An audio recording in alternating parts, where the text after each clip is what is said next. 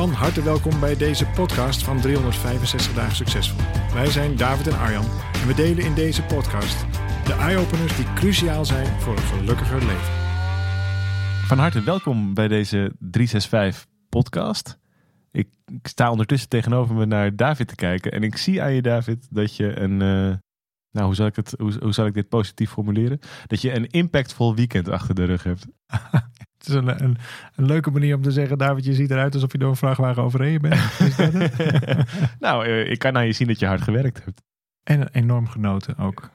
Dus het is wel, het is wel absoluut waar dat het... Um, nou, laten, laten we even uh, de luisteraar meenemen in wat er afgelopen weekend uh, gebeurd is. Tenminste, afgelopen weekend vanaf het moment dat we dit opnamen. We hebben het superrelatieweekend achter de rug. Ja, en het superrelatieweekend is voor ons nou ja, tussen alle hoogtepunten die we elk jaar meemaken, is dit wel een van de mooiste momenten. Het is inmiddels, hebben we begrepen, wereldwijd het grootste evenement, of eigenlijk het grootste seminar, wat specifiek gaat over liefde en relaties.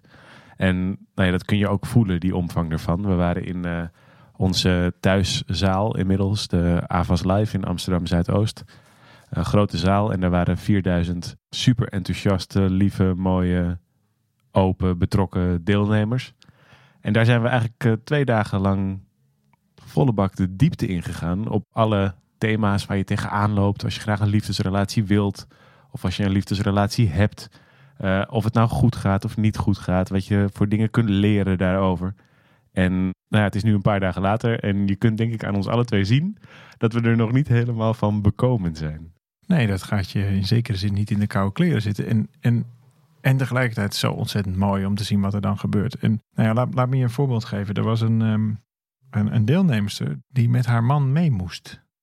Oh ja, dat klopt ja. En ik, ik, ik vroeg op een gegeven moment uh, aan de zaal, zoals ik wel vaker doe, van wie wilde werken? Is er iemand die iets wil delen of iets wil zeggen of, of, over, een, over een bepaald thema? En haar partner, die dus met heel veel enthousiasme daar, daar was, hij stond op en kreeg ook de microfoon en nou ja, vertelde zijn verhaal. Maar, zei hij, mijn partner die uh, is hier ook, maar die wilde eigenlijk niet mee. Die zit hier alleen maar voor mij en dat frustreert mij. Ja, ja en wij weten natuurlijk inmiddels... De meeste mensen die daar zitten, zitten er omdat ze er volledig zelf voor hebben gekozen. Daar al heel lang naar uitkijken. Daar heel graag mee aan de slag willen. Daar ontzettend veel zin in hebben. En we weten ook dat er een paar mensen bij zitten die dit echt doen als... Um, nou, omdat ze weten dat hun partner dat graag wil. Of uh, omdat ze wat op zich heel mooi is. Hè? Volgens mij is nou ja, dat is volgens mij een beetje waar het gesprek naartoe ging. Dat is wel leuk om daar iets over te zeggen, volgens mij. Ja, ik, ik, ik ga zelf, eh, als ik kijk in, in mijn relatie, ook vaak genoeg mee naar plekken of dingen waarvan ik zelf zou zeggen, nou, dan weet ik nog niet of ik dat wel zou doen. Maar omdat ik ook weet dat punt 1, mijn partner mij vaak beter kent dan ik mijzelf. Punt 2, dat over het algemeen het heel goed uitpakt. Ik weet inmiddels dat mijn partner me ook niet mee zal nemen naar dingen die ik echt stom vind. Mhm. Maar wel vaak waar ik een beetje weerstand op heb. Ja. En dat gebeurde in deze situatie ook. Dus zij, zij, ging mee en vol liefde voor hem. Maar het was gewoon niet zo dat ding. Nou, dat frustreerde hem en dat deelde hij vervolgens. En toen hebben we in eerste instantie een punt gemaakt van, uh, of eigenlijk het voorbeeld gegeven van, joh, soms gaat je partner gewoon mee voor jou. En is dat niet ook gewoon liefde? Dat is toch zo liefdevol? Dat is zo'n compliment aan je relatie als je partner bereid is om gewoon bij jou te zijn op iets wat jij heel tof vindt. Hij had het reuze naar zijn zin, maar het begrootte hem enorm dat zij eigenlijk alleen maar voor hem daar was. Ja, ik weet niet meer precies wie het gezegd heeft, maar volgens mij is het al iets wat al de oude Grieken al zeiden, al 2000 of 2500 jaar geleden, dat het vaak verstandig is om als het ware in het klaslokaal van je geliefde te gaan zitten. Dus dat jouw geliefde Juist omdat hij jou van de buitenkant bekijkt, je ziet in je gedrag en wat je werkelijk zegt en hoe je het doet en de keuzes die je maakt. In plaats van alle gedachten die je daar misschien in je hoofd bij hebt of alle dingen die je erbij voelt. Dus die beoordeelt jou misschien op een andere manier of die bekijkt jou op een andere manier dan dat je jezelf bekijkt. Dat is natuurlijk ook logisch, want alle ruis die je zelf in je eigen hoofd meedraagt, nou, die, heeft die, die krijgt die partner wat minder mee. En daardoor um, was, was het tip van die schrijver of van die oude filosoof. Die zei van joh, doe nou niet zo stellig en zo eigenwijs dat je partner je niks te leren heeft. Of dat je partner je maar gewoon moet accepteren zoals je bent. Uh, of dat je. Uh, maar, maar probeer eens wat vaker naar je partner te luisteren. Als die een tip geeft of een advies geeft of een ingang geeft van joh, zou je daar niet eens mee aan de slag gaan.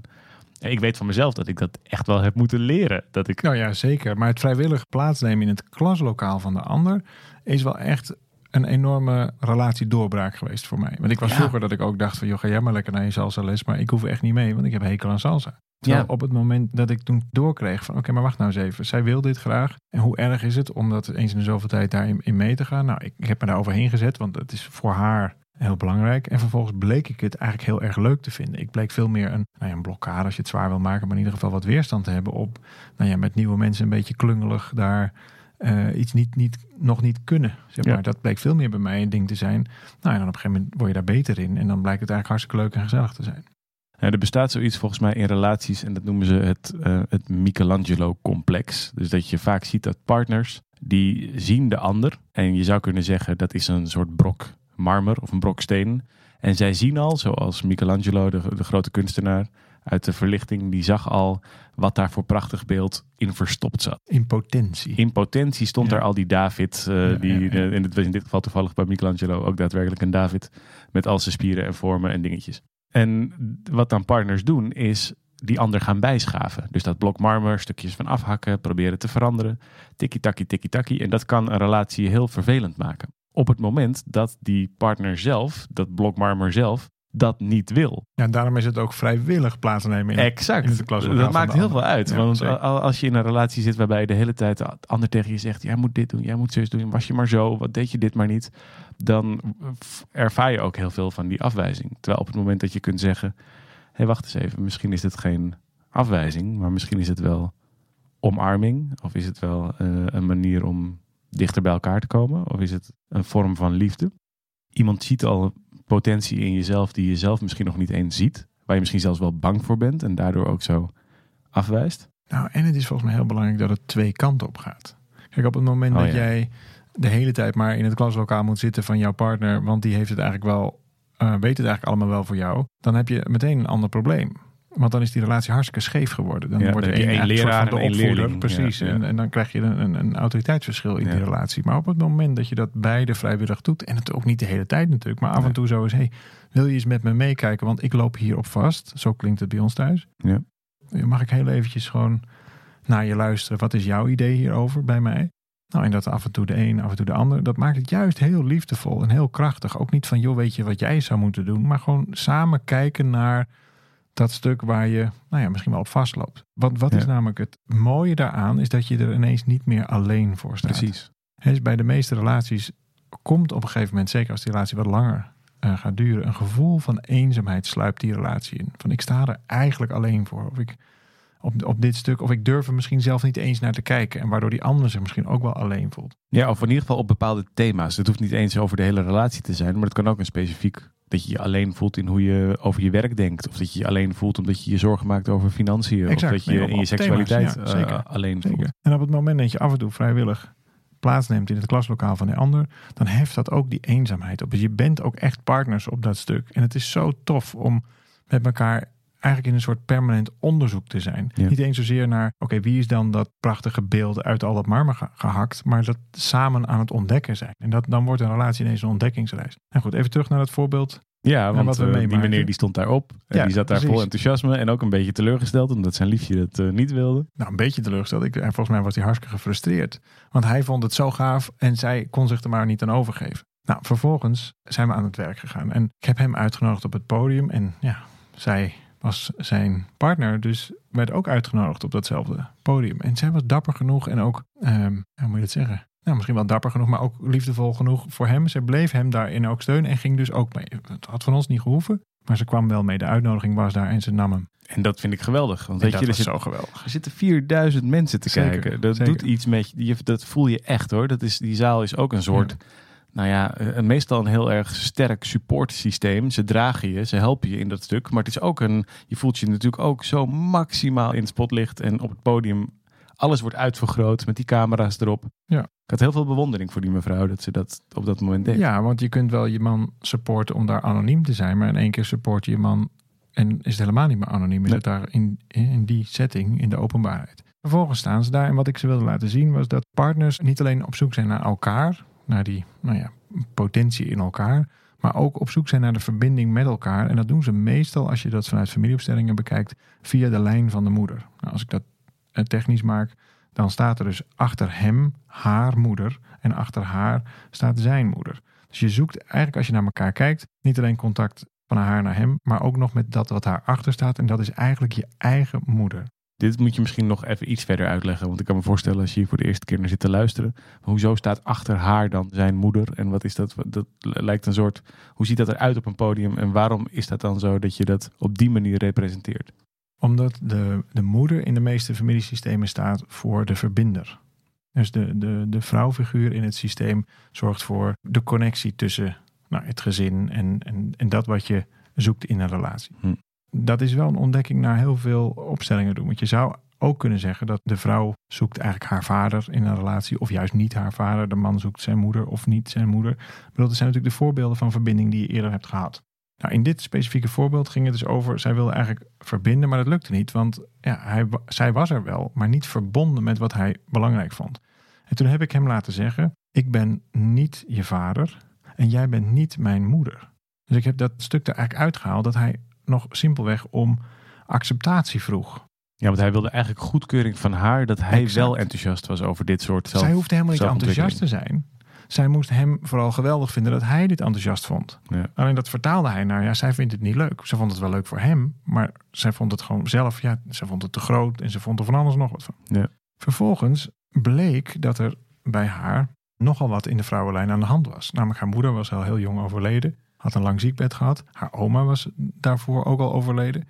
Allemaal heel korte tijd eh, achter elkaar. Dus je zou kunnen zeggen dat hey, als zij verbinding zou zoeken met haar partner, en dat zou ze doen via de moeder, of eigenlijk is ze op zoek naar haar moeder. Ja, dat is voor haar heel moeilijk, want dan komt ze ook in een pijnlijk stuk. Eigenlijk kwam ze in een onverwerkt stuk terecht. Nou, dat bleek ook. We hadden een representant gevraagd voor haar moeder en voor haar oma en voor zijn moeder. Nou, die kwamen ten tonele. En toen werd het ineens heel erg duidelijk. En het mooie was, zij ging helemaal om van iemand die gewoon haar man, haar partner supportte, naar iemand die er echt voor ging. Zij ging volle bak aan op wat er daar gebeurde. En toen zei ze letterlijk: Ik heb het nog nooit zo kunnen bekijken, maar ik snap in één keer waar ik niet alleen hier tegenaan loop, maar waar ik in al die dingen tegenaan loop. En dat was, ja, dat vond dat echt een magisch moment. En om dat dan af te maken, want hij had daar mee getroggeld daar naartoe, mee, mee, mee, mee. Nou, meegevraagd, ja. Mee, meegevraagd. En zij ging mee. Zij ging mee. En dat veranderde op dat moment in een soort eigen keuze. Of wat, wat, denk je dat daar, wat denk je dat de werkelijke transformatie bij haar nou, In ieder geval een eigen inzicht. Kijk, het, het, het zou natuurlijk gaan om hem. En dat hebben we ook in instantie gedaan. Hij, hij had in te zien dat hij eigenlijk zijn, de goedkeuring van zijn moeder zocht. En dat gaf hij later ook toe. In, in dat, hij kon dat voelen. Het is nooit goed genoeg. Want die goedkeuring. Hij, natuurlijk kan mijn partner nu wel blij zijn dat ik hier ben. En dan kan ik dat voelen. Maar dan is er wel weer het volgende ding of het volgende ding. Waarom? Hij zocht het eigenlijk op de verkeerde plek. Ja. Ook daar bleek wat inzicht noodzakelijk. Voordat hij kon ervaren. Oh ja, ik vraag het gewoon eigenlijk aan de verkeerde persoon. Ik had mijn moeder toen ik vijf jaar was nou ja, dit of dit graag horen zeggen, maar dat heeft ze nooit gezegd. Ja. Nou, dat hebben we bij monden van een representant alsnog laten zeggen. En vervolgens kon hij ook prima verbinden met zijn moeder en was dus zijn partnerstuk eigenlijk vrij. Dat wat hij verwacht van zijn partner hoeft niet meer ingelost te worden door die partner. Ja. Dus dat maakt ook dat hij kon opschuiven in die, in die opstelling die er op dat moment stond. Waardoor ook zijn partner ineens bij haar eigen moeder uit kon komen. Zij zag, hé, hey, wacht eens even, hij doet dat nu met zijn moeder. Maar hoe zou het zijn als ik dat doe voor mijn moeder? Nou, vervolgens hebben we op de grond gezeten met elkaar bij die vroeg overleden moeder. En toen zei zij zelf, echt heel prachtig, toen zei ze zelf: Ik heb altijd al het gevoel gehad dat ik een engel bij me heb. Dat is natuurlijk mijn moeder, dat kan ik voelen. En daarmee was haar moeder ineens niet meer overleden. In het beeld was ze niet meer dood, maar in het beeld was ze eigenlijk altijd bij haar. Alleen had ze die twee dingen nog niet aan elkaar gekoppeld. Nou, vervolgens is in haar interne wereld is er ineens een springlevende moeder, namelijk in de vorm van een engel. Zij kon vervolgens staan en haar partner in de ogen kijken en zien: hé, wacht eens even, ik heb ook die verbinding gezocht. En ik snapte ineens, en dat zei ook die partner trouwens, ik snapte ineens heel goed waarom zij ook zoveel weerstand had om überhaupt naar dit soort dingen te gaan. Om, om naar dit systemische stuk te kijken. Om te kijken naar hey, hoe, hoe werkt het dan met verbinding. Want daar moest zij natuurlijk ook die pijn voor in. Daar dat zat pijn, daar zat eenzaamheid natuurlijk. Precies, daar zat ontzettend veel. Zat decennia aan eenzaamheid op. Nou, vervolgens, en dan zie je ook weer de kracht van zo'n groep. Dat zijn 4000 fans. Dat zijn mensen die daar allemaal bij jou zijn op dat hele specifieke moment in jouw leven. Het is eigenlijk een soort maximale positieve herbeleving. Want je bent alles behalve eenzaam in zo'n zaal. Ja. Zij kon dat herbeleven. Ze kon haar man weer aankijken. En dat was echt magisch. Ze kon ook ineens, zij konden tegen elkaar zeggen: Joh, ik snap je nu veel beter. En zij zei uiteindelijk letterlijk: Dankjewel dat je me hiermee naartoe hebt genomen. Dankjewel. Dus eigenlijk heeft zij vrijwillig plaatsgenomen in het klaslokaal van hem. Ja. Hij wist voor hun relatie wat er, intuïtief waarschijnlijk, maar in ieder geval op, op basis van enthousiasme, wist hij wat goed zou zijn voor die relatie. Ja. Zij ging vervolgens mee, wat ik echt een kwaliteit vind in de relatie. Ja. Vervolgens oogt zij die les. En ja, dat was magisch wat er tussen die twee vervolgens gebeurde. Ja, die relatie veranderde voor ons aller ogen, zou je kunnen Ja. zeggen. Want dat werd in één keer ook een veel meer volwassen relatie. Omdat het in plaats van die... Je kunt soms aan mensen zien dat er nog een soort ouder-kind scheefheid in zit. Hè? Dat, het, eh, Ja. dat kun je, dat, Ik denk dat het bij heel veel relaties aan de hand is. Dat noemen wij ook een scheve relatie. Waarin het af en toe de een, af en toe de ander eigenlijk de rol van de leider overneemt. En, en ga, ga nou maar mee, want ik weet wel wat goed voor je is. En dat is nou niet wat wij per se bedoelen met het klaslokaal van de ander. nee. Nee, en je kon nu zien dat zij ook in één keer naar hem kon kijken als... hé, hey, jij bent een volwassen man. Ik vind jou daarin ook aantrekkelijk. Of op een Heel andere manier aantrekkelijk. dan eh, dat ik van je, van je hield... toen je nog wat meer in dat jongensstuk Dat zat. en heel dankbaar. Ja. En dit was, gebeurde allemaal op dag 1 van het weekend. En vervolgens kwam ze tussen een oefening door op dag 2 het podium opgeklommen. eh, wat niet per se de bedoeling is, maar zij kreeg het voor elkaar. Nee. En dat was echt zo tof. Want toen vloog ze ons allebei om de nek Ja. om ons te bedanken. En ook te zeggen letterlijk, wauw, wat sta ik super aan. Wat ben ik super blij dat dit heeft plaatsgevonden. Ik voel me een ander mens. Nou, je kon het ook aan haar zien. Ze Ja. had ook hele andere soorten kleren aan. Heel fleurig en een, een, prachtige bloemenjurk aangetrokken. Ja. Dus je zag echt verschil tussen de zaterdag en de zondag. En dat, ja, dat, daar, dat vind ik echt te gek. Dus dat was voor mij een van de belangrijke hoogtepunten. Ja. Ja, want jij begeleidt dat dan op zo'n moment. Mhm. En wat gebeurt er dan met jou als je dat zo mee, mee krijgt? Want heb jij van tevoren dan al een punt waar dit moet... Je zie, eh, maak jij een analyse als je die meneer hoort en dan al denkt... oh, dit moet hier en hier gaan uitkomen. We gaan hier naartoe. Of, of ontspint het zich, ontvouwt het zich gewoon? Wat gebeurt er dan precies ook in, met jou op het moment dat zoiets plaatsvindt? Eh, ik zou denk ik een vrij slechte begeleider zijn als ik een vooraf plan heb. Ja, nee, nee, absoluut niet. Ik volg op dat moment wat hij laat zien. Mhm. Dus hij liet zien dat hij gefrustreerd was omdat hij zo graag de, de toestemming van zijn partner wilde. En dat zij zou laten zien dat zij ook zo enthousiast was. Nou, dat is volgens mij een verstrikte vorm. Ja. Daar hebben we vervolgens eerst even over gesproken, later op een podium dat uitgewerkt, zodat ik het kan laten zien. En hij voelt natuurlijk, ja, resoneert dit met mij of niet? Als dat niet zo is, prima. Het, is, het, het hoeft voor mij niet te lukken. Ja. Maar dan kan ik mijn verhaal duiden aan de hand van een voorbeeldopstelling, zou je kunnen zeggen. Ja. Heel simpel. Ja. Maar dat resoneerde enorm bij hem. Er, vielen kwartjes. Oh jeetje, maar dan snap ik dit ook, snap ik dit ook. En toen vervolgens ontvouwde zich dat stuk omdat zij toestemming gaf. Zij begon te vertellen over haar moeder en wat daar gebeurd was. Ja. Dus ja, dat kan ik natuurlijk van tevoren allemaal niet weten. Dat zou ik ook helemaal niet willen weten. Vervolgens vraag ik haar, vind je het oké om je moeder daar dan bij te vragen? Nou, dan kiezen we een representant uit de zaal. Dat doet zij dan zelf. Die kwam erbij. Oma komt er uiteindelijk nog bij. En aan de hand van dat voorbeeld is het dus niet alleen voor hun heel erg interessant. Maar ik denk voor 4000 mensen. Nou, dat denk ik niet alleen. Dat checken we ook altijd aan het eind nog even. Voor wie was het relevant? En dan krijg je een 100% eh, check-in daarop. Ja, dus ja. dit is voor heel veel mensen heel relevant. Waarom? Omdat het hele universele thema's zijn. Maar ik weet van tevoren niet welke kant dat op gaat. Ik weet wel, en degene die op het podium staat met die vraag, dat die eigenlijk de opstelling leidt. Ja. Het te laten zien waar het heen mag gaan. Omdat het een representatie is van zijn of haar binnenwereld. Nou, dat zeker. En omdat sommige mensen er wel en sommige mensen er niet aan toe zijn. Sommige thema's gaan we niet in als die persoon daar niet in wil. Nee. En daarom vind ik het heel mooi. En dat is ook afgelopen superlatieweekend denk ik iedere keer heel goed gelukt. Dat we werken met mensen die dat ook willen. Ja. Dus die, die, we vragen wie wil er werken. Of is, heeft iemand een mooi voorbeeld op dit thema. Of zit iemand vast op dit thema en wil er iets over delen. En dat is zo waanzinnig inspirerend.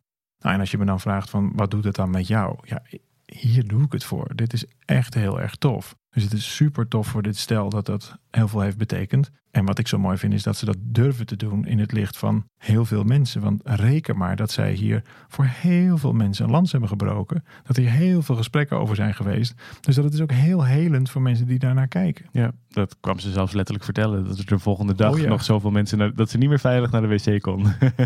ze was natuurlijk even een soort van local celebrity geworden. En Ja. hij ook. Omdat er zoveel mensen zeiden...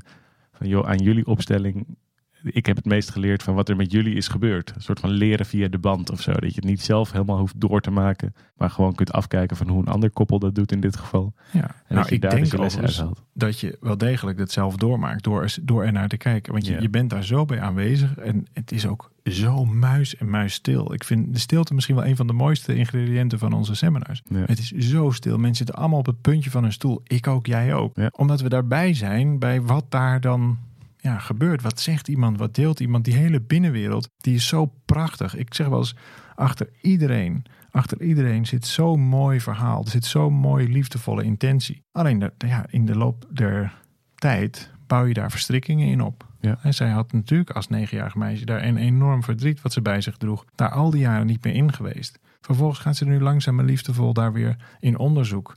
Ja, dat was echt, echt heel erg prachtig. En je kon meteen zien dat dat voor hun relatie heel veel goeds heeft gebracht. Plus nog eens 4000 toeschouwers.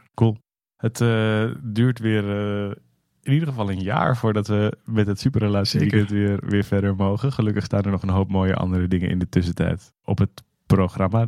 Inclusief ook een heel aantal van dit soort opstellingen, die er nog veel zullen zijn.